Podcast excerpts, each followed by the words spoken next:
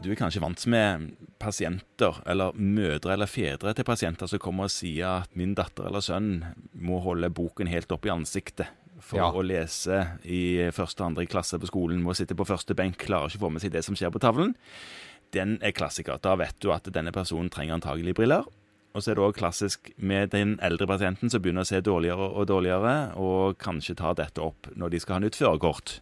Ja. Men her om dagen så hadde jeg en som havna midt imellom, eller ikke midt imellom, men han var i begynnelsen av 20-årene. Ja. Hadde begynt å se dårligere og dårligere. Følte han hadde bare utvikla seg litt sånn gradvis. Mm. De siste, i alle fall de siste månedene hadde han lagt merke til det ordentlig, men kanskje, kanskje det hadde pågått lenger òg. ja.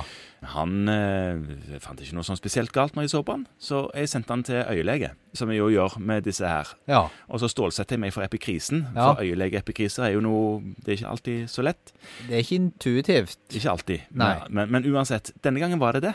Ja. For jeg fikk diagnosen eh, servert. Hva var det? Keratokonus. Ja. Er jo ikke folkesykdom. Nei, men jeg kunne ha stilt spørsmålet Har andre i din familie dette her. Da hadde han nemlig svart ja, min far begynte òg å se dårlig i begynnelsen av 20-årene. Og min bestefar han ble sendt hjem fra militæret fordi han hadde dårlig syn. Ikke sant, for dette er en arvelig sykdom.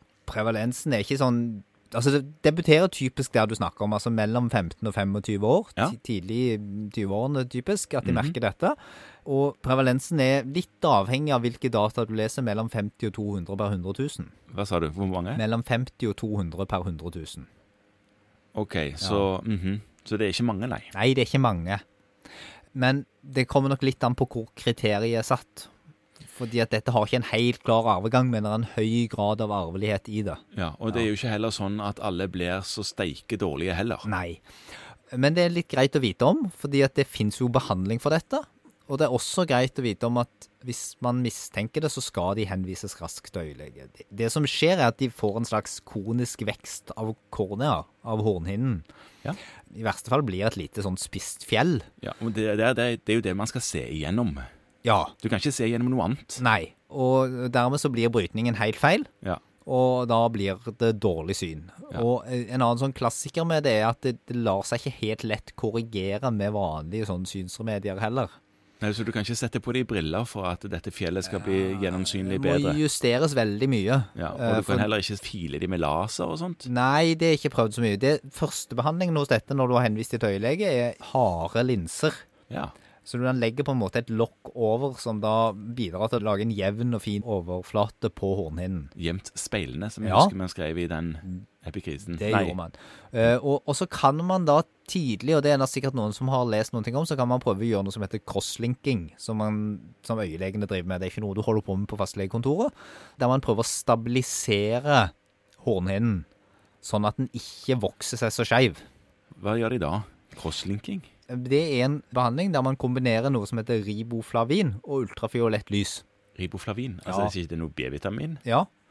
Og det stabiliserer hornhinnen ved å forsterke kollagenet og bremse sykdomsutviklingen. Ok, så det kan man holde på med, men er, er, det er vel sånn at disse følges relativt tett Ja, av ja. øyelegen? Og det, men det som er litt med å vite med dette, er det at det funker best i tidlige stadier av sykdommen. Altså, du får ikke hornhinnen til å bli mindre skeiv, men du kan bremse utviklingen av det. Men hvis det går helt åt eh, skogen og alt blir bare sorgen, Da er det transplantasjon. Korneatransplantasjon? Ja. ja. Eh, og det, det gjøres, og, og det er for så vidt en Det er jo ikke en enkel og grei behandling, men det er en, en behandling som de har relativt god erfaring med, Mhm. eh, og som løser problemet for en del. Ja, for da fjerner du jo faktisk hele problemet, da.